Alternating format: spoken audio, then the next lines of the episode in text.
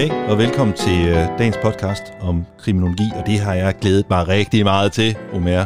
Øh, fordi at vi øh, skal i den her, øh, øh, den her serie prøve at kigge på nogle forskellige årsager, nogle forklaringsmodeller til at forklare criminal behavior, for at ligesom forstå, hvad, hvad, driver, hvad driver værket, hvad, hvad, hvad får mennesker til at overskride de grænser, som, øh, som er gældende for, øh, for normen, øh, normen, på trods af, at, øh, at, øh, at kollektivet vil, vil, vil på et eller andet tidspunkt øh, straffe de her afviger fra, fra normen. Og, og grund til, at jeg glæder mig så meget til, til emnet i dag, det er jo, det er jo fordi, at der synes jeg, jeg har et lille vildt fodfæste, og det, det er inden for det, det er de forskellige psykologiske forklaringsmodeller, og der er sandelig mange det er helt rigtigt. Og øh, man kan jo sige, at det har udviklet sig igennem århundreder i forhold til, hvordan man egentlig har forsøgt at forklare øh, kriminalitet eller kriminel adfærd ud fra biologiske, men i den grad også psykologiske perspektiver.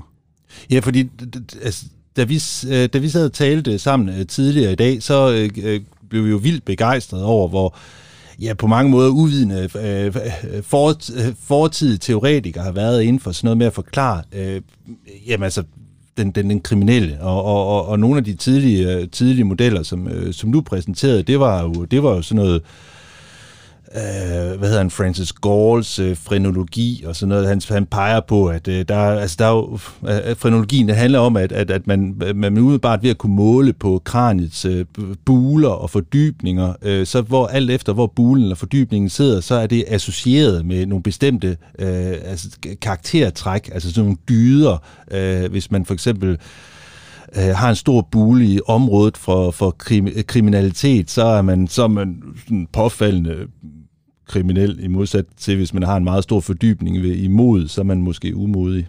Ja, og man kan jo sige, at det er helt rigtigt, hvad du siger. Der er jo nogle, øh, en lærer, eller flere lærere, øh, omkring kriminologi og så videre, som opstod allerede i 1700-tallet, og endda før det ikke i forhold til, hvordan man har forsøgt at forklare menneskelig adfærd. Og øh, frenologi eller fysiognomik er jo eksempler på, hvordan man har forsøgt at forklare den menneskelige adfærd på ja. både godt og skidt. Ikke? Ja, ja.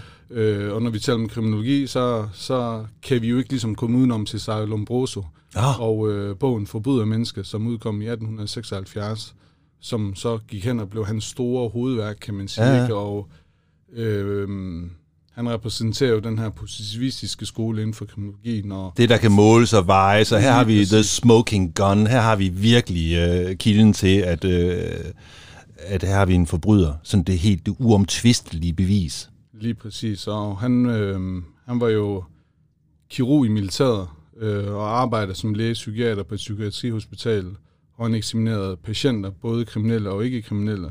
Og derpå udvikler han ligesom en liste med traits, eller træk, som vi også kalder aha. det, på disse individer. Så han kalder det også for okay. genetic throwbacks, altså, altså de her fødte kriminelle. Og, øhm, så det er sådan ligesom en tipskupon, hvis man har krydser i de, øh, de rette felter og sådan noget, så har man sgu en... Øh... ja, på, på sin vis ikke, og man kan sige, at, at han udvikler jo en, en, en, en teori på baggrund af den viden, han ligesom, og de observationer, han foretager sig øh, igennem sit øh, feltarbejde og så videre, ikke? Men der er jo helt klart nogle tråde tilbage til, som du nævnte, fonologien og mhm. fysiognomikken mm. i forhold til, hvad der han egentlig har været inspireret af. Og det er jo nogle, nogle øh, filosofer og læger og så videre, som har udviklet en, en forskellige, mm. nogle forskellige perspektiver, nogle forskellige teorier på noget, som, øh, som var allerede var skrevet på, på derværende tidspunkt, ikke? som han har været stærkt påvirket af.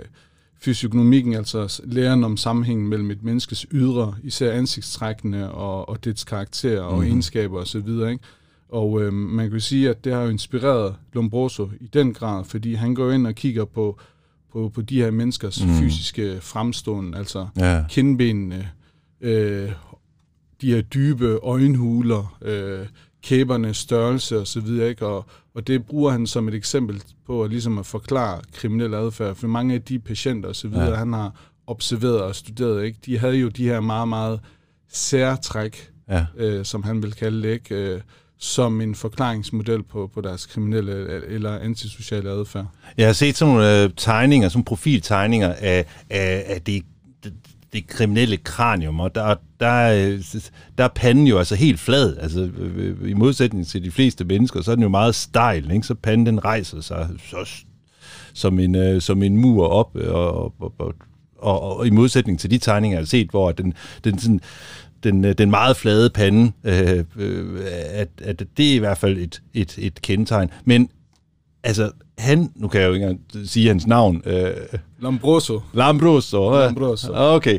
Men han, han er som en anden arkeolog, der graver øh, i jorden for at finde øh, øh, det uomtvistelige bevis på, på fortidigt liv, og øh, han, øh, han er, i sin bog, så skriver han jo begejstret om, øh, hans, om hans fund.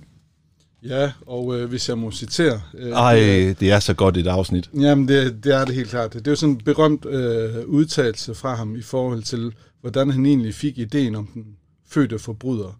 Og øh, det skete så, øh, mens han obducerede en berygtet dramsmand. Og nu øh, læser jeg lige op her. Øh, det står godt nok på, på, på, på norsk, tror jeg. Øhm, ved syn af hjerneskallen var det som jeg pludseligt, på samme måde, når et nattemørkt landskab oplyses af et flammende lyn, så forklaring på kriminalitet. Et aktivistisk væsen, som i sin person har fået genskabt de blodtørstige instinkter, man finder hos primitive folkeslag og lavere dyrearter. Det er dette, som er den anatomiske forklaring på de enorme kæber, de høje kindben, de enkle håndfladelinjer, de ekstremt store øjenhuler og de deformerede ører, som man finder hos kriminelle, vilde folkeslag og hos aber.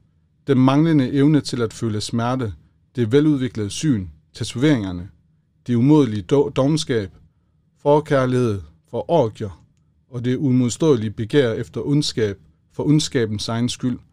Behovet for ikke bare at tage offerets liv, men også at lemlæste det, rive det i stykker og drikke dets blod. det, altså, det der, er meget der, visualiseret. ikke?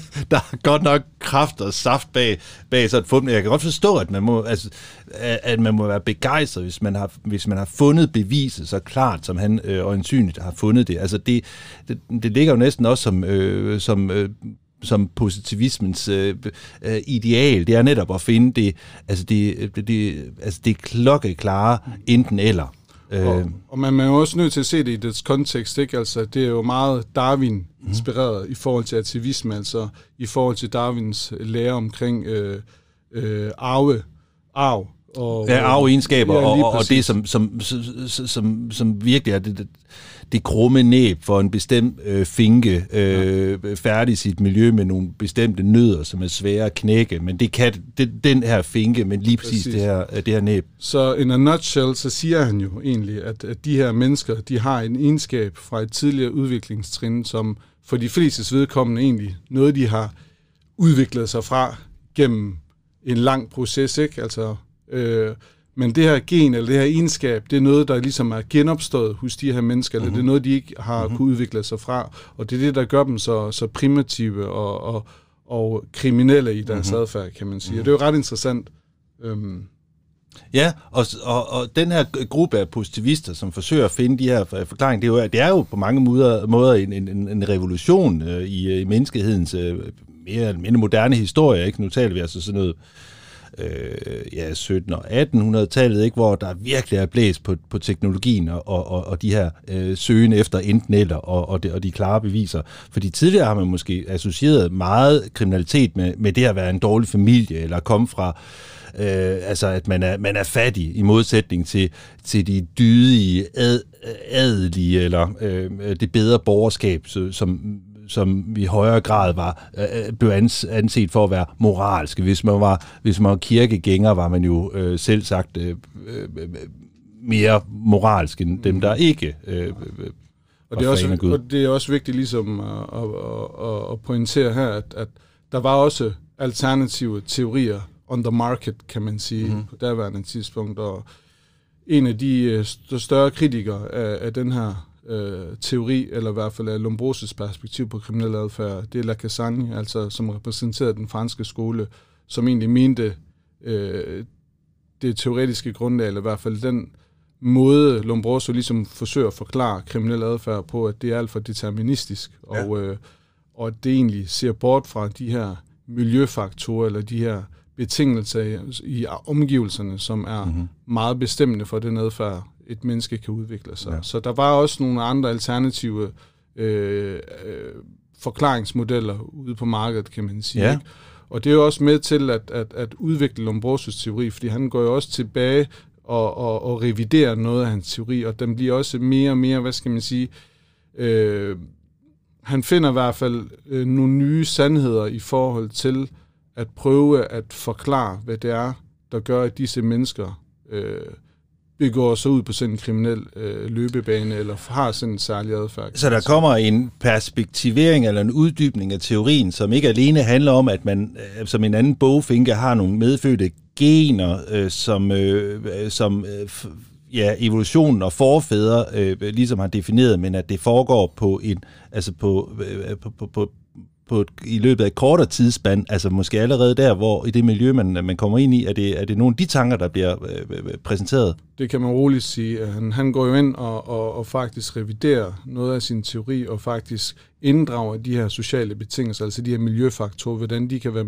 være bestemmende, eller i hvert fald yde en, en nok påvirkning øh, på det enkelte individ, til at vedkommende ligesom udvikler sig i, den, øh, i, i det spor. Så han inddrager faktisk de her teorier, eller i hvert fald nogle aspekter af de her mm-hmm. teorier, som har fokus på, på, på de sociale faktorer, betingelserne, altså miljøet omkring individet, ja. som også har en indflydelse på, på menneskets adfærd. Så det der med, at det er biologisk, eller det her meget Darwin-inspirerede forståelse mm-hmm. af menneskets evolution og udvikling osv., det kan egentlig ikke stå alene. Der er mm-hmm. nogle betingelser rundt omkring mennesker, som også i en høj grad har indflydelse på, på menneskets udvikling. Ja, men meget spændende perspektiv, fordi vi kan nemlig med reference til Darwin og, og hans survival of, of the fittest, at, at vi kunne næsten forestille os, at der her på det her tidspunkt, det er jo en form for, øh, kan vi sige, sådan kriminal øh, øh, kriminologi historisk tilbageblik, at vi kan se måske i det her tilbageblik, vi, øh, vi, vi står og har her i 2021, at der har været nogle bevægelser i gang, der, og, og det, kan, det kan godt være, at det enten har, har altså været indvævet i hinanden, måske har været tilfældigt parallelt, eller måske går det bare op for os i vores øh, øh, nutidige tilbageblik, at der er nogle bevægelser, bevægelser i gang, hvor at, at uh, Darwins uh, survival of the fittest, uh, at, at, at man har et særligt arveanlæg, der gør, at man bliver særligt dygtig til at overleve et bestemt miljø. Måske er det noget, som uh, kan have befordret en bestemt uh, personlighedstype i, uh, i nogle hårde, hårde områder, uh, men der er samtidig også en anden bevægelse i gang på det her tidspunkt, som introducerer, at vi også som en anden øh, fødevarereklame eller øh, kampagne, som da jeg var ung, ikke? men du bliver, hvad du spiser. Altså, der er ja. et eller andet med, at det, der er øh, tilgængeligt i ens øh, nærmiljø, det faktisk også øh, præger og former en. Og ind på scenen træder en fyr fra Østrig. Ja. Vores kære ven, øh, Sigmund Freud. Og der er alt muligt at sige om Sigmund Freud og hans, øh, hans teorier om øh, den psykoseksuelle øh, udvikling. Og og øh, på, øh, på mit studie, jeg ved ikke, det var, man, man, øh, man griner af forskellige ting forskellige steder, ja. men, øh, men en af de ting, som vi, øh, som, øh, som vi i hvert fald nævnte, det var, at, øh, at hvis man havde siddet på en kold potte som barn, så ville det have nogle konsekvenser for den måde, at man var voksen på. Ikke? Altså, og det er jo, øh, jeg ved ikke, hvor sjovt det er, men hvor man alting øh, er, så forsøger det at illustrere, at ind på scenen træder Freud med nogle teorier om, at vi i altså at vi, vi har nogle medfødte udviklingsfaser, og øh, og vekselvirkningen med, med, med, med, med vores omgivelser, øh, Freuds øh, periode og det samfundslag, han befandt sig i, så var, var, var nogle af dem, man blev præget af, det var jo vid udstrækning ens barnepige, men, men også de, øh, de erfaringer, barnet gjorde sig i de her faser, som prægede det, øh, dets, øh, dets voksne liv. Øh, øh, så, så ikke at han specifikt har beskæftiget sig med kriminalitet og kriminel øh, adfærd, men snarere det, at han introducerer tanken om, at vi at vi drives og styres og påvirkes og motiv, motiveres og hæmmes og, og, og, og af, af, altså kan vi sige psykiske vinde, der blæser ind i os alle sammen, og nogle af disse psykiske øh, vinde, der blæser i os, kan være forårsaget af noget medfødt, men samtidig også være forårsaget af nogle erfaringer, vi, øh, vi gør os, noget, der bliver indlejret i vores øh, bundpsyke, øh, og som, som giver øh, forskellige grader af, af personlighed. Og man kan jo sige, at det afspejler også den udvikling, kriminologien øh, gennemgår faktisk, ikke? altså de her forskellige stadier i forhold til, hvordan forskellige perspektiver spiller ind i forhold til, at man forsøger at forklare et, et særligt fænomen som kriminalitet eller kriminel adfærd. Og man kan sige, at, at hele det, det psykologiske perspektiv på, på, på generel afvielse eller kriminel adfærd osv., ikke? og som Freud ligesom introducerer de begreber, og den måde, han egentlig forsøger at forklare en, en udvikling på, du nævnte den kolde potte, ikke, og så videre, mm. ikke? Altså det der med, at der er nogle betingelser udefra, som kan have indflydelse i det indre, mm-hmm. og omvendt, altså der er den her vekselvirkning, eller den her, hvad skal man sige, øh, sammenhæng mellem faktorer, altså iboende faktorer og uboende, udboende faktorer, ikke? Øhm, og man kan sige, at når, når du også taler om, om, om opvækst i de tidlige stadier, man taler jo også om, om, om forældreevne, forældredynamik, mm-hmm. opdragelse osv., ikke? Og, og det er også sådan nogle øh, specifikke begreber, som man finder i kriminologien, altså når vi også taler om risikofaktorer, som vi gjorde ved, ved, ved sidste podcast, ikke? vi var kort inde omkring det, ikke? Mm-hmm. altså der er jo mange af de her risikofaktorer, som man både kan kaste et psykologisk perspektiv på, mm-hmm. men der er også nogle sociologiske perspektiver, og, og nogle af de her mere klassiske Øh, eller positivistiske, mm. som har fokus på, på, på det biologiske aspekt, altså det arvelige osv. Så, så det er jo faktisk en, en, en, en, en gryde, hvor der er blevet rørt rigtig, rigtig, rigtig godt rundt ja. øh, i, og som, som egentlig repræsenterer mange af de her forskellige videnskaber og læren om, om, om menneskets udvikling. Ja, og det, det, når du siger det, så kommer, det jo, kommer jeg også til at tænke på det, der er lidt interessant, det er, at selvom at vi kan kan grine lidt øh, af, af Lambrusos, Lambrusos ja.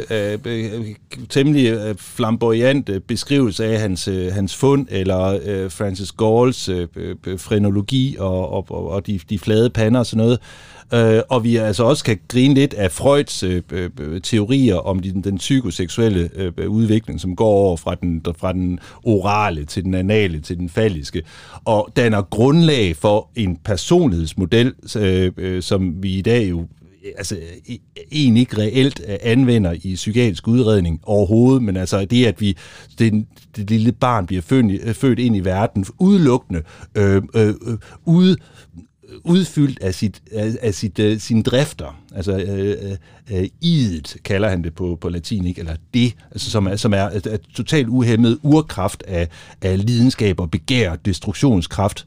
Og i kraft af den opdragelse, som du nævner, ikke også? Altså den der påvirkning fra, øh, fra, øh, fra barnepige og fra forældre og sådan noget, og igennem de, øh, øh, de stadier, man gennemgår i sin psykoseksuelle øh, udvikling, ikke? Altså det, det, er sådan nærmest en balancegang fra en fase til en anden. Altså at lære at udvikle et super ego øh, på, på latin, ikke? Eller på, på dansk, et over-jeg, som bliver nærmest sådan internaliseret dommer og betjent og revisor, altså en, der sådan ligesom øh, Øh, sørge for, at det lille barn lærer at holde hænderne over dynen og ikke ligger og roder ved sig selv, eller, øh, øh, eller, øh, eller følger reglerne. Og vi kan grine også af Freuds øh, personlighedsmodel i dag, men dog så er det sådan, at at vi, vi i moderne øh, psykologisk årsagsforklaring bag øh, kriminel adfærd stadigvæk ser nogle reminiscenser af, øh, i, altså, at, at, at hjernen og dens opbygning også har indflydelse på, den adfærd, som vi udviser, og som Freud han øh, på det her tidspunkt, uden i øvrigt nogen som helst øh, fodfæste i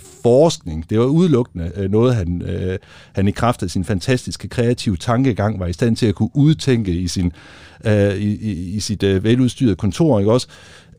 Så har vi jo også nogle en personlighedspsykologi, som begynder at, at, øh, at forme sig i kraft af, af, af Freuds øh, måder at sætte ord på nogle bestemte fænomener, men også en personlighedspsykologi, som vi stadigvæk den dag i dag øh, refererer til, når vi skal forklare personlighedsmodel. Øh, anti, antisocial adfærd, eller det at have en, øh, at have en, have en personlighed, som ikke nødvendigvis kærer sig for andres omsorg, øh, den måde, som, øh, øh, som man kan være øh, øh, mere optaget af af sin egen, øh, sin egen kreds af mennesker, som man kender har et fællesskab med. Og øh, nu kaster jeg selvfølgelig et spørgsmål øh, i, i din retning, og når vi taler om, om Freud og så videre, ikke, øh, og hvad det er for et grundarbejde, han egentlig har lavet, som har inspireret mange efterfølgende psykologer osv., er der nogle øh, modeller, som man måske bruger i dag i forhold til at måske forklare noget, noget tilknytning øh, mellem, mellem barn og, og, og forældre, og hvilken betydning kan det have i forhold til barnets udvikling, om det så går i den rigtige retning, eller øh, risikoen for, at barn udvikler en antisocial adfærd mm. grundet de her tilknytninger, eller det her forhold til forældrene osv. Er det ikke også noget, der har været inspireret af, af, af Freuds arbejde, eller i hvert fald en forståelse, som ligger i den måde, han egentlig anskud øh, det her forhold mellem barn og, og forældre på? Jo, altså det er jo, det er jo helt vildt, og jeg bliver sådan helt overvældet hver gang, at jeg ser øh, i det her, øh, det her videnskabshistoriske tilbageblik, at der har været masser af strømninger, som har enten er gået parallelt eller har krydset hinanden. Nogle gange så har de jo læst hinanden, og der øh, øh, i starten af 20'erne, så, øh, så var der sådan en, øh, en, en en, en læge, øh, søn af, af, af en, øh, en officer og en, og en mor, som øh, var meget optaget af at, at færdes i, i, i, i sådan nogle øh, sådan kulturelle kredse, ikke? Så, så han, øh, ham her, øh, John Bowlby, som, øh, som jeg tænker ja. på, øh, han, øh, han oplevede på sin egen krop, hvordan det var at, og, øh, det er i hvert fald det, hans forfatterskab senere øh, bærer præg af, det er jo selvfølgelig også, at han, han tænker også i tilbageblik og får ting til at gå op, så det passer i hans voksne kram, ikke også? Men i tilbageblikket så han, at mange at meget af det her omsorgsvigt, som han selv var, øh, var produktet af, det også har formet hans måde at fungere som omsorgsgiver for sine egne børn på, ikke? Og han gav sig så i gang med at fordi han var stærkt inspireret af, af, af, af Freud og det, det psykoanalytiske. Så hele tanke, tankegangen om, at, at, at øh, barnets psyke det udvikles øh, øh, øh, på, øh, på baggrund af samspillet med, med de her, som, som Bowlby han kalder primære omsorgsgiver. Øh, og, og det, som barnet kommer ind i verden med, fordi Bowlby er jo også stærkt inspireret af, af Darwin, ikke? Altså som, som, som ligesom øh, konsoliderer det faktum, at man kan kun overleve, hvis man har nogle grundlæggende medfødte egenskaber til at overleve i et bestemt miljø, man bliver født ind i. Altså det duer jo ikke, altså hvis det er sådan, at man... Øh, øh, man, man bliver født ind i et, øh, et område, hvor der er sindssygt mange øh, spidser, man kan stikke, på, stikke sig på, men man bliver født uden, uden syn. Altså, så er man jo far for at komme til at stikke sig rigtig mange gange. Øh, og og, og øh, og Bowlby, han, han, tager, altså, han tager nogle ting ind i, i verden der. Han, han, han mener, at der er et anlæg i det lille barn til at række ud i verden og appellere til en omsorg, men hvis den ikke gives, så lærer, altså kæmpe stor gåseøjne her, lærer barnet så at sige ikke at forlade sig på andres omsorg og, øh, og lære igen i gåseøjne at kunne fungere uden forventning om at få den her omsorg. Og hvis det bliver et, så, så at sige, et system, som bliver konsolideret i barnets psyke, så, øh, så, så kan man næsten med, med Bowlby's, øh, John Bowlby's øh, måde at tænke på, se at at programmet, det psykiske program, hos det voksne menneske, der har været præget og formet af omsorgsvigt, ikke kærer sig om at leve op til andres forventning om god stil eller øh, øh, respekt for, øh, øh, for, for ejendomsret eller sådan noget. Og det ret interessante ved det, du siger, det er jo netop, at det her samspil mellem prime omsorgsgiver, som, som Bowlby han, han, han beskriver det, ikke? Og, og barnet, ikke? at det er noget, som resulterer i, i, i øhm, noget, der kommer til udtryk i den adfærd, barnet kan få over for sine primære omsorgsgiver, men også miljøet omkring sig. Det er noget, barnet tager med sig videre ind i, i voksenlivet, mm-hmm. kan man sige. Ikke? Mm-hmm. Og det er ikke kun noget, som manifesteres i, i selve adfærden. Der er jo også det her, hvis vi går tilbage til den positivistiske skole, ikke? Altså, mm-hmm. er det så noget, som, som kan måles eller kan komme til udtryk i hjernen måske, altså hele den der opfattelse af, hvordan de her betingelser omkring individet faktisk også har indflydelse på, hvordan hjernen egentlig udvikler sig, om man så taler spejlneuroner, eller hvad det er, man taler om. Ikke? Altså der er noget i hjernen, som også bliver påvirket af det her samspil, og det er også med til at skubbe et individ i en særlig retning, eller være med til at udvikle, eller øge risikoen for, at en særlig adfærd, den udvikles hos, ja. hos, hos barnet. Og det er jo ja. ret interessant, for det er jo egentlig også det, de, de, den positivistiske skole taler om, altså det her, det ydre, og så er der det indre, ikke? Her går man måske væk fra at se på det, på, på, på, på, på det fysiske, altså hvordan man egentlig fremstår fysisk, men også, hvad der sker inde i hjernen, altså om, om der er nogle stoffer. Nu er jeg jo ikke ekspert på det her område, øh, men, men det er jo ret interessant, hvordan man faktisk også har den her kobling med, med, med det ydre, altså den ja. ydre stimuli, og hvad der egentlig sker i, i hjernens udvikling, og hvordan hjernen egentlig udvikler sig. Ja, når vi inden for det psykologiske område bredt, så har vi jo sådan en evig diskussion, og jeg tror, den bliver evig. Ja. Øh, selvom ambitionen jo for, for alle positivisterne, altså måler og vejetyperne, ikke, øh, som ligesom kan dokumentere øh, tingene, har jo altså den, den helt våde drøm, det er at sørge for at lave sådan en, en, en, en formel, der ligesom kan, øh, som er fast, og som kan forudsige alle øh, potentielle ting øh, i al øh, evig fremtid. Og det vil sige, at alt menneskelig adfærd ideelt set ville kunne forklares alene med neurotransmitter, altså det er signalstoffer, som er i hjernen. Og vi har jo de der, jeg ved ikke hvad det er, 300 milliarder celler, som vi kalder neuroner, fordi de alene indgår i det neurale netværk, og hvis det er sådan, vi kan kortlægge hele lortet, ikke? Altså, så, så hele det der, øh, øh, som det der, der opstår, når man, når man stimulerer et barn i sin opvækst, øh, øh, så, så opnår det færdigheder. Altså hvis det er sådan, man, man, man forhindrer et barn i at, at, at stimulere sin, øh, sin synsans ved at ikke, det, det, sådan et tænkt eksempel, ikke? Man har lavet nogle dyreforsøg, men hvis der er, man forhindrer en kattekilling i at åbne øjnene, når det bliver født, det bliver født i øvrigt med lukket øjenlåg, men altså hvis man så for, for, sætter tape for og, og, og, og forhindrer de at, at kunne se øh, i det, de første par, øh, par, par, par levemåneder og fjerner øh, tapen, så er synssansen så ikke blevet stimuleret, og det vil sige, at hele det øh, neurale netværk, som er dedikeret til at udvikle synssans, det får altså ikke det, det stimuli, og så er toget altså bare kørt. Positivisterne vil jo gerne kunne forklare, at alt, når det kommer til menneskelig adfærd, kan kortlægges, således at det kan forudsiges rigtig, øh, rigtig specifikt. Men hidtil så er det i hvert fald sådan, at vi, at vi i hvert fald ikke har, har kunne opnå den her øh, meget tydelige, øh, hvis Enighed. A, så B, her A, C.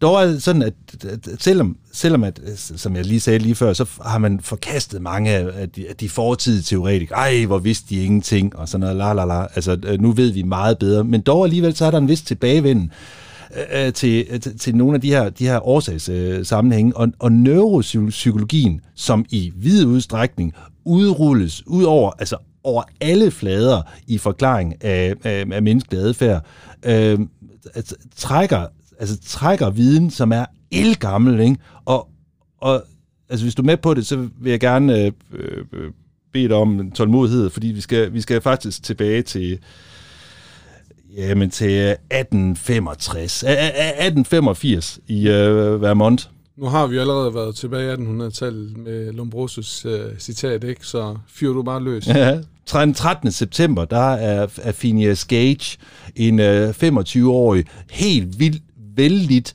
chakbejs i anlæggelsen af af, af jernbanen på tværs i USA. Kæmpe stort øh, øh, øh, arbejder, en meget stor ingeniørbedrift, ikke? Og denne øh, øh gudsfrygtige gud, ikke? Øh, som, øh, som havde en flok af, af, af, af folk øh, hos sig, ikke? Som virkelig værdsatte hans øh, store lederskab og hans kontrol- og organisationsevne.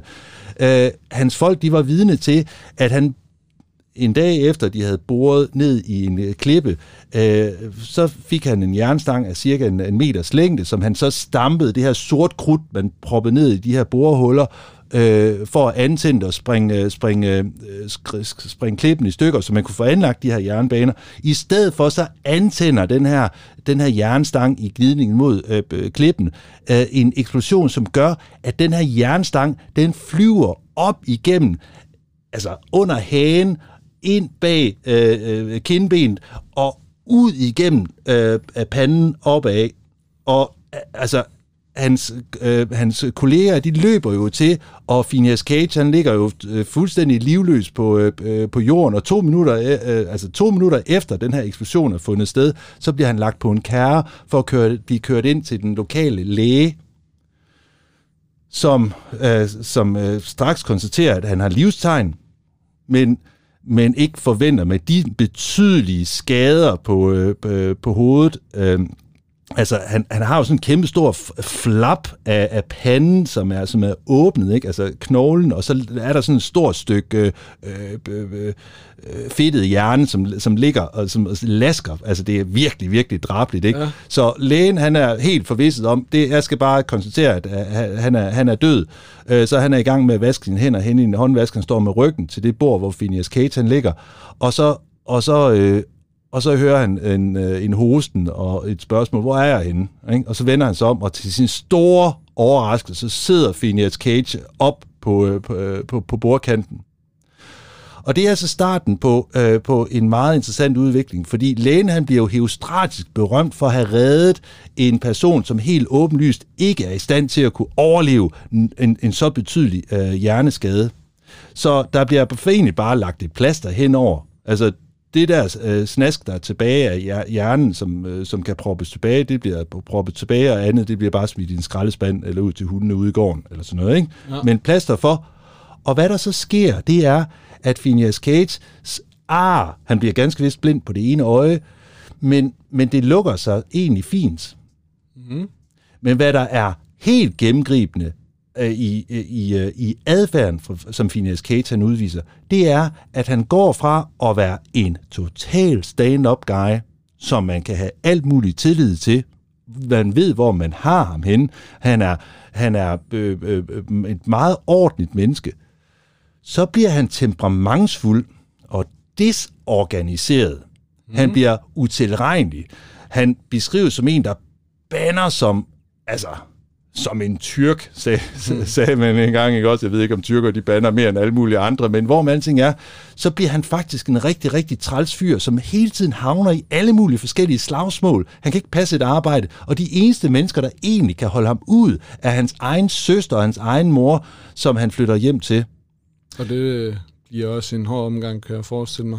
Jamen, utvivlsomt. Altså, øh, men hans personlighed undergår altså en fundamental forandring, og han, og han, han, han, han dør øh, som 35-årig. Han bliver ganske vist begravet, men det er så enestående et medicinsk fænomen, at han to år efter, øh, hans skelet bliver gravet frem, og det er så at finde på et eller andet øh, øh, museum i Massachusetts, tror jeg nok det er. Men, øh, men, men men her har vi altså at gøre med en, altså en neurobiologisk årsag til en adfærd, som vi ikke anser for at være, øh, altså, være ordentlig. Eller sagt med andre ord, altså en adfærdsændring, der sker hos det her individ, efter vedkommende ligesom øh, gennemgår den oplevelse, altså kommer til skade, ikke? altså en del af hjernen tager skade, ikke? Og, ja. og hvilken del af hjernen tager skade, og den del, der tager skade, har den så indflydelse på den adfærd,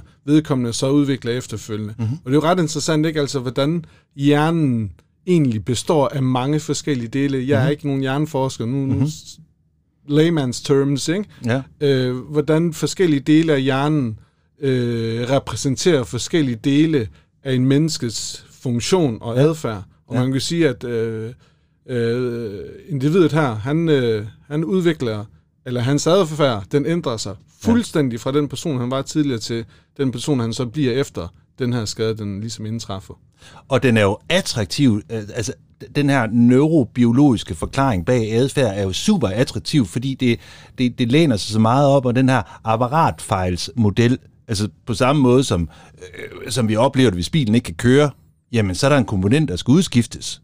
Og har vi et menneske, som på, på alle mulige måder øh, øh, opfører sig i et samfund, altså i, i, i kollektivet, som en afvielse og til skade for andre, jamen kan det så repareres? Phineas Cage eksemplet, det, det viser jo det der med, fordi hvad var det, der røg af hjernen, ikke også? Og, og, og, og apparat, apparatfejlsmodellen, det er sådan, at okay, her har vi altså en komponent, som er buff, den er, den er, den er skudt af, den er væk, den er, øh, den er udslettet. Og, og det, der sådan helt specifikt forsvandt, det var en betydelig del af det, der hedder øh, pandelappen, ikke? For ikke kun med Phineas Gates øh, eksempel, så har vi jo også tidligere kunne se, at for, for eksempel har videnskaben haft sindssygt stor glæde og gavn af, at vi er så, øh, at vi er hyppigt er i krig, ikke også? Fordi at når man sender en masse raske unge mænd, som er jo helt øh, åbenlyst er i god fysisk form, ikke? For der skal man ikke være soldat.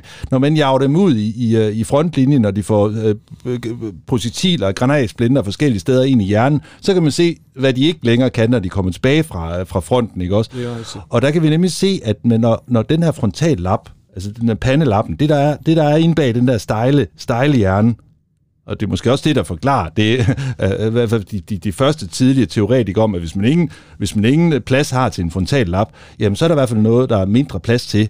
Og det, der i hvert fald forsvandt hos Phineas Gage og mange andre, som har mistet øh, som følger af blodpropper eller, øh, eller andre skader i frontallappen, det er noget, som associeres med det område i, i, i panden. Altså netop sådan nogle eksekutive funktioner. Man kan næsten øh, sige sådan noget, the executive office. Ikke? Det er der, hvor tingene de bliver besluttet. Det er der, hvor der bliver lagt planer. Det er der, hvor at direktøren og, og revisoren og øh, og, og, og strategigutterne de, øh, og gudinderne øh, er, er til stede. Og sådan er det altså også i hjernen. Der er altså noget, der tyder på, at frontallappen, den, den betyder altså noget. Det er i hvert fald et rum, som hvis det stimuleres igennem opvækst, og det, det er der, hvor at, at neuropsykologien den bliver altså den også bliver kompleks, det er, at vi har et medfødt potentiale, lidt ligesom en kat, den har et medfødt potentiale til at kunne se, men hvis det ikke bliver stimuleret, hvis frontalrummet til, øh, til, til, til eksekutive funktioner i, i, i pandelappen ikke bliver udviklet, påvirket, jamen så, øh, så udnyttes øh, øh, de muligheder ikke. Og vi kan i hvert fald se, vi kan i hvert fald se, og, det, og der, der vil jeg gerne lige indføje sådan lidt et forbehold, fordi at vi forsøger med hjerneskanninger, vi forsøger med forskellige pen and paper test, hvor man sætter krydser af i, i forskellige felter for, hvor god man er til for eksempel at koncentrere sig, eller, eller udholde fristelser, eller, eller andet, at, at det er, der er ikke rigtig helt klart en smoking gun for, altså, hvor, altså, hvor vel eksekutive funktioner øh, øh, fungerer. Man kan se nogle antydninger af det, men det er ikke sådan, at man kan, ligesom man kan tage temperaturen på et menneske. Okay, du har feber, eller du har ikke feber, eller du har øh, sukkersyge, eller du har ikke sukkersyge, eller det her det er kraft eller ikke kraft. Men man kan sige, at, at generelt så associerer man øh, frontlappen med mange af de her forskellige øh, funktioner, som du nævner, mm-hmm. ikke? Øh, og, og det, det er sikkert rigtigt det der med, at man måske ikke har det smoking gun, hvor man sådan øh, udelukkende og helt bestemt kan sige, mm. at der er den her funktion, den ligger udelukkende her, og der er ikke andre processer, som har indflydelse på den. Men det er jo et godt eksempel, ikke? Altså, hvordan man går fra, fra et voksen menneske, som er vel, eller færdigudviklet, kan man sige, ikke? Øh, som, som tager skade mm-hmm. i en specifik del af, af hjernen, og det medfører så en adfærdsændring. Ja. Og, og, og man kan sige, at som du også nævnte, det var, det var kæmpestort for, for, for science, altså i forhold til at skulle studere den her menneskelige, øh, eller adfærdsændring, der finder sted. Og hvad er det så for nogle, øh, hvad er det for en adfærd, problematisk adfærd, han så udvikler sig? Det er jo også noget sigende i forhold til, når vi mm. også taler om, om kriminel adfærd og så videre, om der er dele af hjernen, som er som rummer nogle funktioner, som måske hos nogle er mindre udviklet, om det er noget, der kan måles og vejes mm-hmm. hos mhm. nogen, som har en specifik adfærd. Men i, i, i, i kriminologien i dag, når vi taler om risikofaktorer osv., så, ikke, så taler vi også mange om nogle, altså meget om de her funktioner, som du faktisk også nævner, ikke? altså de her individuelle faktorer, som har en betydning for udvikling af, af kriminel adfærd. Og øhm, der taler vi jo blandt andet om, om impul, impul, at være impulsstyret, altså øh, IQ og så videre og så videre. Ja. Det er jo alt sammen nogle faktorer, som også har en indflydelse på risikoen for, at man ender i kriminalitet. Og det er jo ganske noget, man kan gå ind og, og måle på, måske inde i hjernen, eller i hvert fald kan, kan pinpointe i en vis grad, hvilken del af hjernen øh, rummer de her funktioner, eller mm. hvor de ligesom bor, hvis man kan sige det på, på, på en anden måde. Altså, jeg er ikke, jeg er ikke bekendt med, at der er en direkte kausal sammenhæng, altså det er sådan, at hvis A, så B altid imellem begævelse, altså det er som øh, intelligenskvotienten, altså IQ. Øh, øh, men dog så kan vi godt se, at der er forskellige niveauer for det her med impulshæmning. Øh, der er jo et, et, til til alle jer derude, hvis I har lyst til at se et meget, meget, meget spændende, for det første et meget morsomt øh, studie, men det er faktisk ikke, øh, når man tænker lidt nærmere over, så er det faktisk temmelig alvorlige, øh, alvorlige ting, vi har med at gøre her. Det er The Marshmallow Test, altså skumfidus-testen, hvor man på for eksempel YouTube bare kan søge på, øh, på Marshmallow Test, og så kan man se, hvordan at femårige børn, hvis de bliver præsenteret for en, en skumfidus på en tallerken, og de får at vide, hey, du får en mere, hvis du undlader at spise den inden for fem minutter, tror jeg det er. Og man ser så, og det er det, der er morsomt, ikke? hvordan de her børn der, de er helvedes kvaler med at udholde fristelsen til at spise, altså impulsen til at spise. Mm-hmm. Og nogle af børnene, de hapser den bare med det samme, og andre, de har ikke noget besvær med at og sådan, så hæmme deres impuls, og så er der dem midt imellem, som man kan se, de virkelig er ved at binde, øh, brække deres egen lårbensknogler, fordi de er så fristet af, af at gufle, gufle igennem. Men man ser bare, at og, og, og, og impulshæmning, altså det der med egentlig at, øh, ikke at lade sig øh, være, være drevet af sin, øh, sine lyster, ikke? Åh, det er bare, det har jeg bare lyst til det her nu, ikke? Altså, jo, jo bedre man har evne til at kunne gøre de her ting, jo, øh, jo nemmere har man ved, og, og det er bare sådan en kæderække, som jeg lige gætter på, ikke? jo nemmere har man ved at sidde stille i klassen. Mm. Og hvis man har siddet stille i en klasse, så sidder man måske også øh, stille i, stolen på samme måde i den, altså i den næste klasse, altså øh, lektion. Ikke? Og det vil sige, at man ved at sidde stille øh, på sin stol i klassen, har færre konflikter med læreren. Mm. Og det er jo åbenbart meget befordrende for at styrke sin lyst til at sidde i skole, hvis man er rigtig god til at, at, at sidde i skole, og man i øvrigt får ros for at sidde stille i skolen, så er man måske også bedre motiveret til at læse videre. Mm. Hvis man læser videre, så er man jo øh, har man højere sandsynlighed for at få en længerevarende øh, uddannelse, og når man har det, så får man måske også et bedre job, og så får man måske også en bedre indtægt. Man får, bliver måske også mere attraktiv som partner, og man bor i et bedre nabolag. Altså, så vi har sådan, sådan en kausal sammenhæng, mm. hvor man i hvert fald kan se, og, og at, at der er en form for association imellem impulshæmning, som, jamen altså, som, som der er ret bred konsensus om, at kan lokaliseres til frontallappen. Mm. Og det er jo ret interessant også, hvis man ser det fra sådan en antisocial adfærdsperspektiv, eller kriminel adfærdsperspektiv, ikke? Altså, hvad er det for nogle øh, impulser, som man kan være drevet af, som gør, at man går, går i sådan en retning, kan man sige. Mm-hmm. Ikke? Øhm, selvkontrol er også et begreb, som faktisk kan sidestilles med, når vi så også taler om at være impulsstyret, ikke? Altså, mm-hmm. At, være, at, at kunne kontrollere sig selv, eller mhm. styre sine impulser, når man føler mm. vrede. Øh, man er ikke drevet af sine impul, impulser osv., og, og, og, og det er jo ret interessant, fordi når vi også ser på det på, i forhold til kriminel adfærd, altså når man er vred, mm-hmm kan man beherske sig selv. Ja. Når man er frustreret, kan man beherske sig selv, mm. og så videre, ikke? Øh, det gælder også berilelseskriminalitet, altså der ligger en one ja. million bucks ikke? Jeg kigger lige rundt, der er sgu ingen her. Det eneste, det tager for mig, det er lige snup den kuffert, og så... Ah, jeg kan mærke fristelsen. Ja, ja, ikke? Altså, hvor meget kan man beherske sig selv? Altså, kan man kontrollere sig selv, så man ikke ender i de situationer, hvor man udvikler en antisocial mm-hmm. eller kriminel adfærd? Og det er også ret interessant, når vi også taler om nogle af de her begreber, som, mm-hmm. som kan associeres med dele af hjernen ja, ja. og en funktion i menneskets adfærd, ikke? Ja. Hvad, er du bekendt med begrebet sensation-seeking behavior?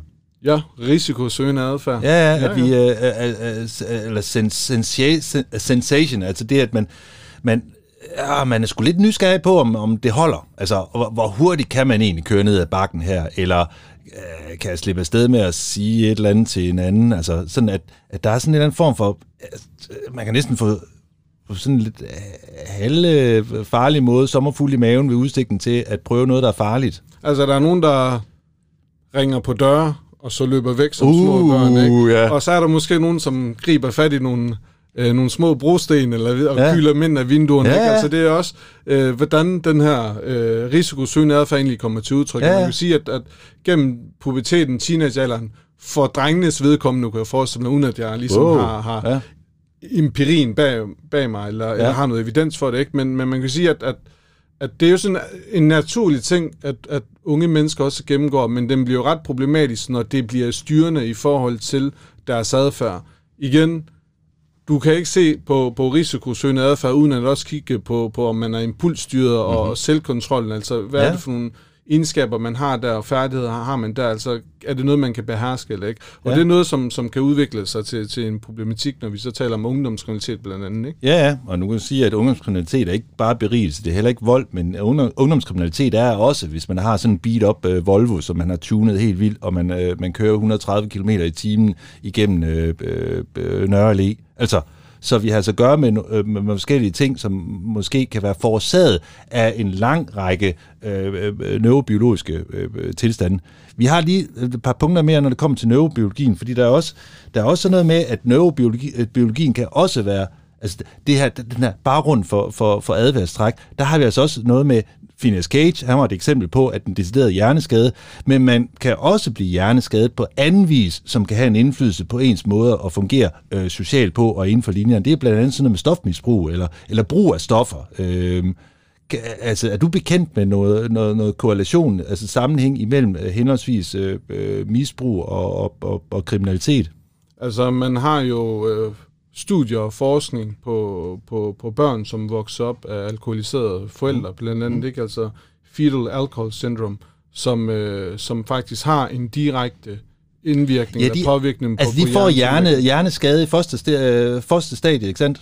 Helt rigtigt. Ja. Og man kan sige, at man har jo forsøgt at kortlægge hjernens udvikling hos de børn, som er vokset op med alkoholiserede forældre under graviditeten osv. Og, og der er jo helt klart evidens for, mm-hmm. at, at hjernen den udvikler sig på en, på en meget langsommere, på, på en uheldig ja. måde i forhold til, ja. til øh, øh, jævnaldrende, jævnaldrende eller, øh, eller veludviklede ja. børn og unge, ikke, kan man sige. Ikke? Så det har jo en direkte konsekvens på, på, på hjernens udvikling, og, og, og som vi lige har nævnt, vi nævnte ja. om de eksekutive funktioner i hjernen ja. osv., øh, hvordan forskellige funktioner kan, kan kortlægges og tillægges og associeres med forskellige dele af, af hjernen, ikke? så kan man sige, at, at hvis hjernen ikke får lov til at udvikle sig på, på mm. en hensigtsmæssig måde, mm. så er det også noget, som vil komme til udtryk ved nogle af de her øh, egenskaber eller, eller den adfærd, øh, et, et, et mm. barn efterfølgende mm. kan få. Og det betyder selvfølgelig ikke, alle med de her udfordringer bliver kriminelle. Nej. Sådan er det jo slet Nej. ikke. Men der er noget, som, som ligesom øger risikoen for, at der er noget, der ligesom kan, som kan hænde. Ja, fetal alkoholsyndrom øh, associeres med, med, altså med udfordrede seks, øh, seksuelle, altså øh, eksekutive funktioner, altså kognitive øh, funktionsniveau, kan være præget af netop øh, øh morens øh, øh, alkoholmisbrug eller, eller stofmisbrug i, i barndommen. Men vi har jo også en, en, en, skal vi sige, en sammenhæng, vi har i hvert fald et temmelig højt antal af stofmisbrugere i, øh, i øh, Danmarks fængsler. Mm. Og, øh, og de, altså, nu ved jeg ikke, hvor mange... Øh, vi har, vi har også en bølge af krænkelsesager, øh, hvor at øh, mænd krænker øh, kvinders øh, seksuelle grænser. Det, det har i hvert fald mit indtryk, at, øh, at, at alkohol indgår som en ret hyppig komponent øh, i, i nogle af de her, øh, øh den her grænseoverskridende, enorm krænkende øh, øh adfærd. Ja, altså det er noget, man, man, man højst sandsynligt kan, kan pinpointe, mm. hvis man tager alle de store byer rundt omkring mm. i verden, og, og lige finder den by, eller den gade, eller de gader, hvor, hvor alle diskotekerne ligger, ikke? Mm-hmm. Så kan jeg forestille mig, der, at det, det vil være en ret, øh, hvis man skulle kigge på det mm-hmm. sådan talmæssigt, ikke? Så mm-hmm. vil de fleste vold, voldsepisoder osv. højst sandsynligt ligge i de steder, ikke? Fordi der indgår ja. alkohol og så videre. Ja. Øhm, og det er noget, man, man, man kan sige, altså det har selvfølgelig helt klart en, en, en, en effekt og indvirkning på... Øh, på, på menneskelig adfærd, men på samme tid, når vi så taler om, om, om, om misbrug og så videre, ikke? altså hvis man mm. er misbruger og så videre, så skal man også have noget til at ligesom finansiere ja. det her misbrug, kan man ja. sige. Ikke? Og, og det man ser, det er jo, at mange af de her narkomisbrugere, som har været det igennem øh, mange, mange, mange år, mm-hmm. altså de har en række, række domme bag sig, og det handler jo meget om berigelseskriminalitet, altså ud at stjæle og, og indbrud i biler osv., mm. for ligesom at finansiere sit misbrug. Så det ja. går sådan set i hånd i hånd, øh, når, man, når man ser på, på, på, på den kriminelle adfærd. Åh, oh, det bliver så komplekst med det samme, ikke også? Altså, så vi kan måske ovenikøbet have et individ, som er ja, som, som har en uh, lav impulskontrol og mærker, at det er fedt at, øh, at, at, tage, at tage noget, men man kommer måske også fra et hjem, hvor at der bliver taget noget, man kan måske ovenikøbet have en eller anden form for grad, altså en grad fra øh, øh, påvirkning neuralt øh, fra fostertilstanden. Man er i et øh, selskab, hvor man lærer en bestemt øh, adfærdsform, og øh, man har ikke øh, givet at gå i klasse så længe, at man øh, kan få sig et godt arbejde, så man kan købe en god heroin, øh, men at det er noget, man skal ud og, og øh, score knaster til, for at kunne, øh, kunne anskaffe sig. Så vi har lige pludselig alle mulige forskellige ting, der kan konsolidere en, øh, en, en kriminel adfærd. Det er sådan afrundingsvis til, øh, til, til det, altså til det her øh, neuropsykologiske som baggrund for øh, kriminel adfærd, så har vi jo altså inden for de sidste 10-15 år også øh, øh, øh, øh kommet nogle forskellige teorier øh, i, i, i forhold til det der med at kunne følelsesmæssigt sætte os i den andens sted. Altså det er jo meget, det er det er det er jo en fantastisk evne at være udstyret med, forudsat at man skal være et, øh, sådan et velkomment medlem af et, øh, et velfungerende fællesskab. Ikke? Altså man skal være likable. Ikke? For at det kan lade sig gøre, så er det her med at kunne tilpasse sig, sig, sig hinanden, det har sådan en fornemmelse for, altså sådan noget med theory of mind, er der nogen, der kalder det. Og det øh, knyttes til øh, neurologisk set til noget, man kalder spejlneuroner. Mm. At øh, te- teorien er jo, at, at, at hvis man er uempatisk, så er risikoen for, at man træder hinanden på tæerne øh, så meget desto større. Hvis man ikke har evnen til at kunne leve sig ind i, hvordan det må være at få stjålet sin cykel, jamen, jamen så øh, tænker man sig måske ikke så meget over, og øh, inden man stjæler en cykel, eller øh, øh, stjæler noget andet, som er, som er endnu værre, ikke også? Så spejlneuronerne, altså det, som er en moderne teori, peger i hvert fald forsigtigt på, at grunden til, at vi gaber, hvis vi ser en anden gabe, det er fordi, vi, altså, vi imiterer andres adfærd. Og, øh, at, øh, og så, så, så går det så videre til, hvis det er sådan, at vi fortæller en, altså et barn en fortælling om, hvordan en eller anden helt, øh, en eller anden fjer, øh, øh, fantasiverden øh, klarer ærterne, så sidder, så sidder barnet der i sin seng og, og forestiller sig, hvordan, hvor, hvor helt modigt det er, og derved inspirerer. Og hvis jeg lige må komme med et indspark her, jeg talte med en psykolog i Australien på et tidspunkt, og vedkommende nævnte ret øh, på en sjov måde, ikke? Altså, hvis ikke du gaber, så er du måske også en psykopat eller sociopat, mm-hmm. og vedkommende var ved at læse en bog om, om, om, om en øh, seriemorder faktisk, ikke? Og, og når vi så taler om spejlneuroner, så det er jo egentlig, den kobling vedkommende lavede på, på en sjov måde, det var jo den her manglende empati, altså det der, man ikke kan afspejle sig i, hvad andre føler og videre, mm-hmm. ikke? Og, og når der ligesom er den her disfraction uh, her, ikke? Mellem, mm-hmm. hvad, hvad andre oplever og så videre, ikke? Og mm-hmm. føler og så videre, så kan der opstå den her manglende empati for, for andre mennesker. Mm-hmm. Det er sandt. Det er sandt, og det er, i hvert fald, det er i hvert fald en interessant teori lige i øjeblikket for at kunne forklare, hvorfor der er nogen, der, nu nævner du så om psykopater, som øh, altså numerisk set er ret sjældne, men at der måske er langt flere, som, som ikke har forudsætningerne for ligesom at kunne, øh, kunne mærke den andens smerte, øh, og derfor så ikke bruger det som et pejlemærke til, til at styre sin egen adfærd. Altså, øh, de fleste af os vil faktisk øh, få en meget stærk medfølelse, hvis vi, hvis vi ser en, som er kommet svært til skade. Altså, det er sådan en, altså, at, at det er noget, som er karakteristisk for vores evne til at kunne fungere socialt med hinanden. Og øh, så er det også bare vigtigt at sige, vi har jo sagt, vi har snakket om masse, masse forskellige ting i dag, nogle forskellige teoretikere, nogle forskellige perspektiver på, på, på en forklaringsmodel på, på kriminel adfærd osv., eller antisocial adfærd for den sags skyld.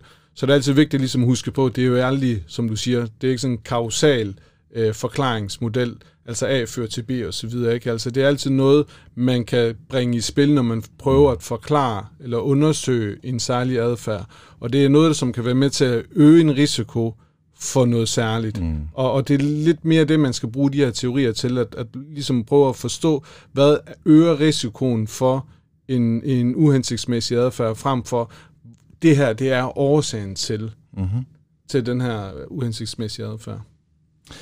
Se, uh, social learning theory, der er blandt andet en amerikansk-kanadisk uh, forsker, som uh, han er uh, 96 år gammel nu, Albert Bandura, uh, ja. som, uh, som i 50'erne lavede nogle interessante studier, hvor han uh, viste, at uh, jamen altså, Forud for ham gik der, øh, gik der teorier, som levede meget stærkt i, øh, i Amerika, især, øh, som, øh, som handlede om, at man kan korrigere menneskers adfærd i kraft af enten straf eller belønning. Altså man kan forstærke øh, en tilbøjelighed til at øh, undgå at gøre øh, forkerte ting, hvis det er, at man konsekvent får, øh, får straf for det. Altså, så får man pisk, og men at man i modsætning til, øh, til, til, til det at undgå nogle bestemte ting, fordi at man får pisk, så vil man gerne gøre de ting, som man får en guldrod for. Ikke? Altså man får belønning. Og det er det der, de der behaviorisme, eller det behaviorismen kaldte man den bevægelse inden for, øh, inden for psykologien.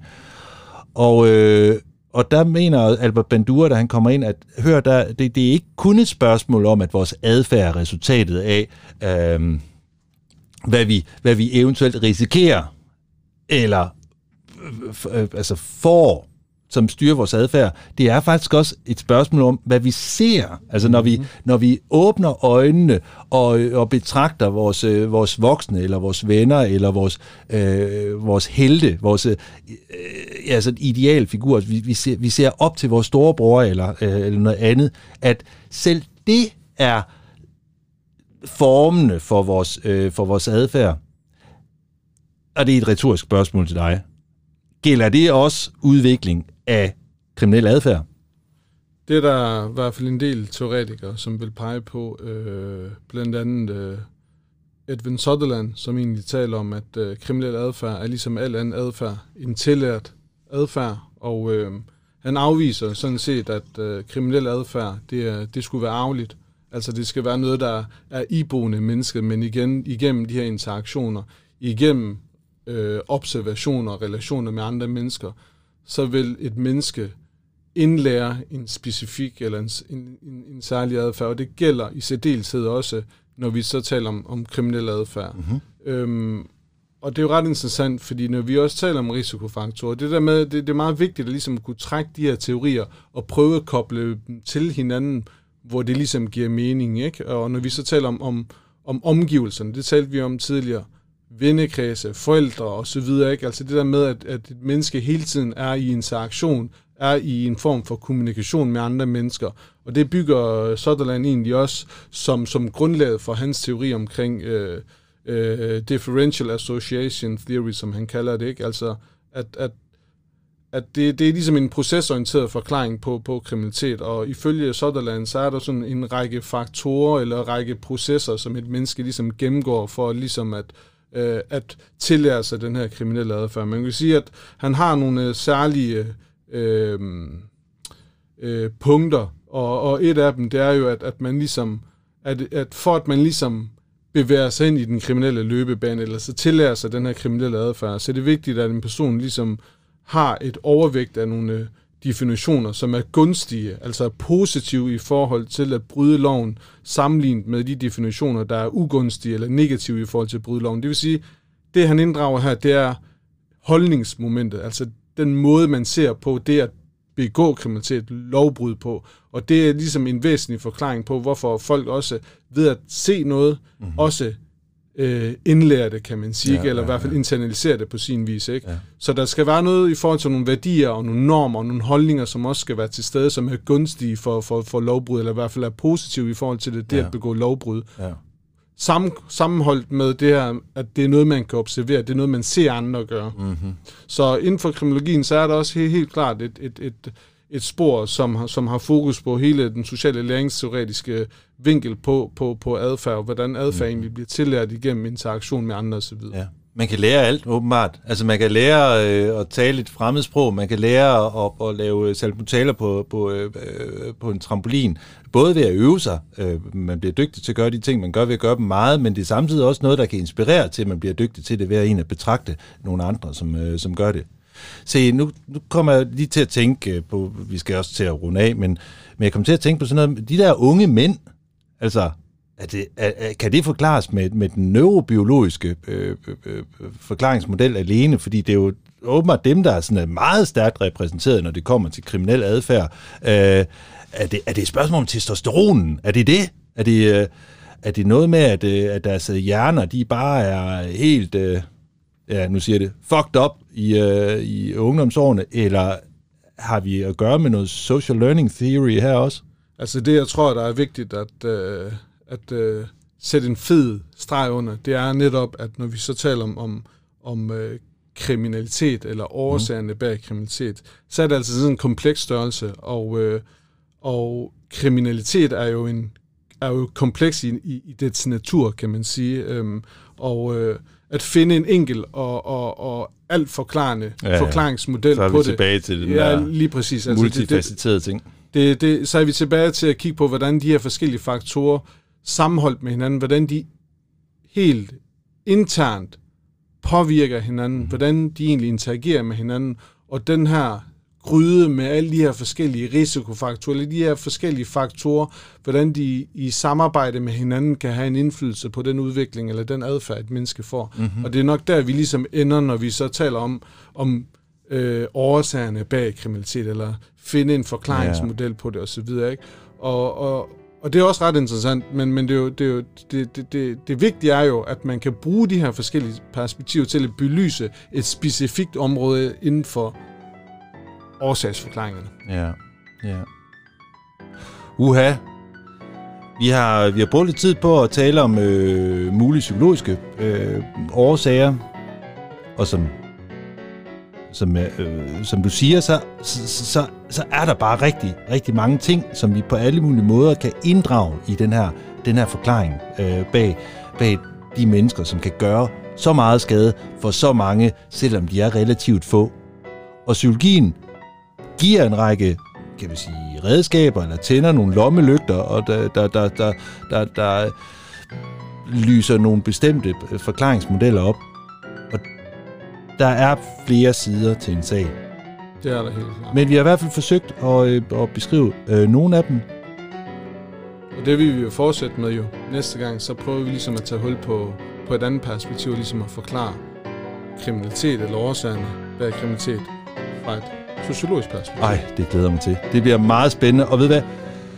Tusind tak fra Omera og mig, mm. øh, for at du lyttede med. Og på genlyt næste gang. Hej.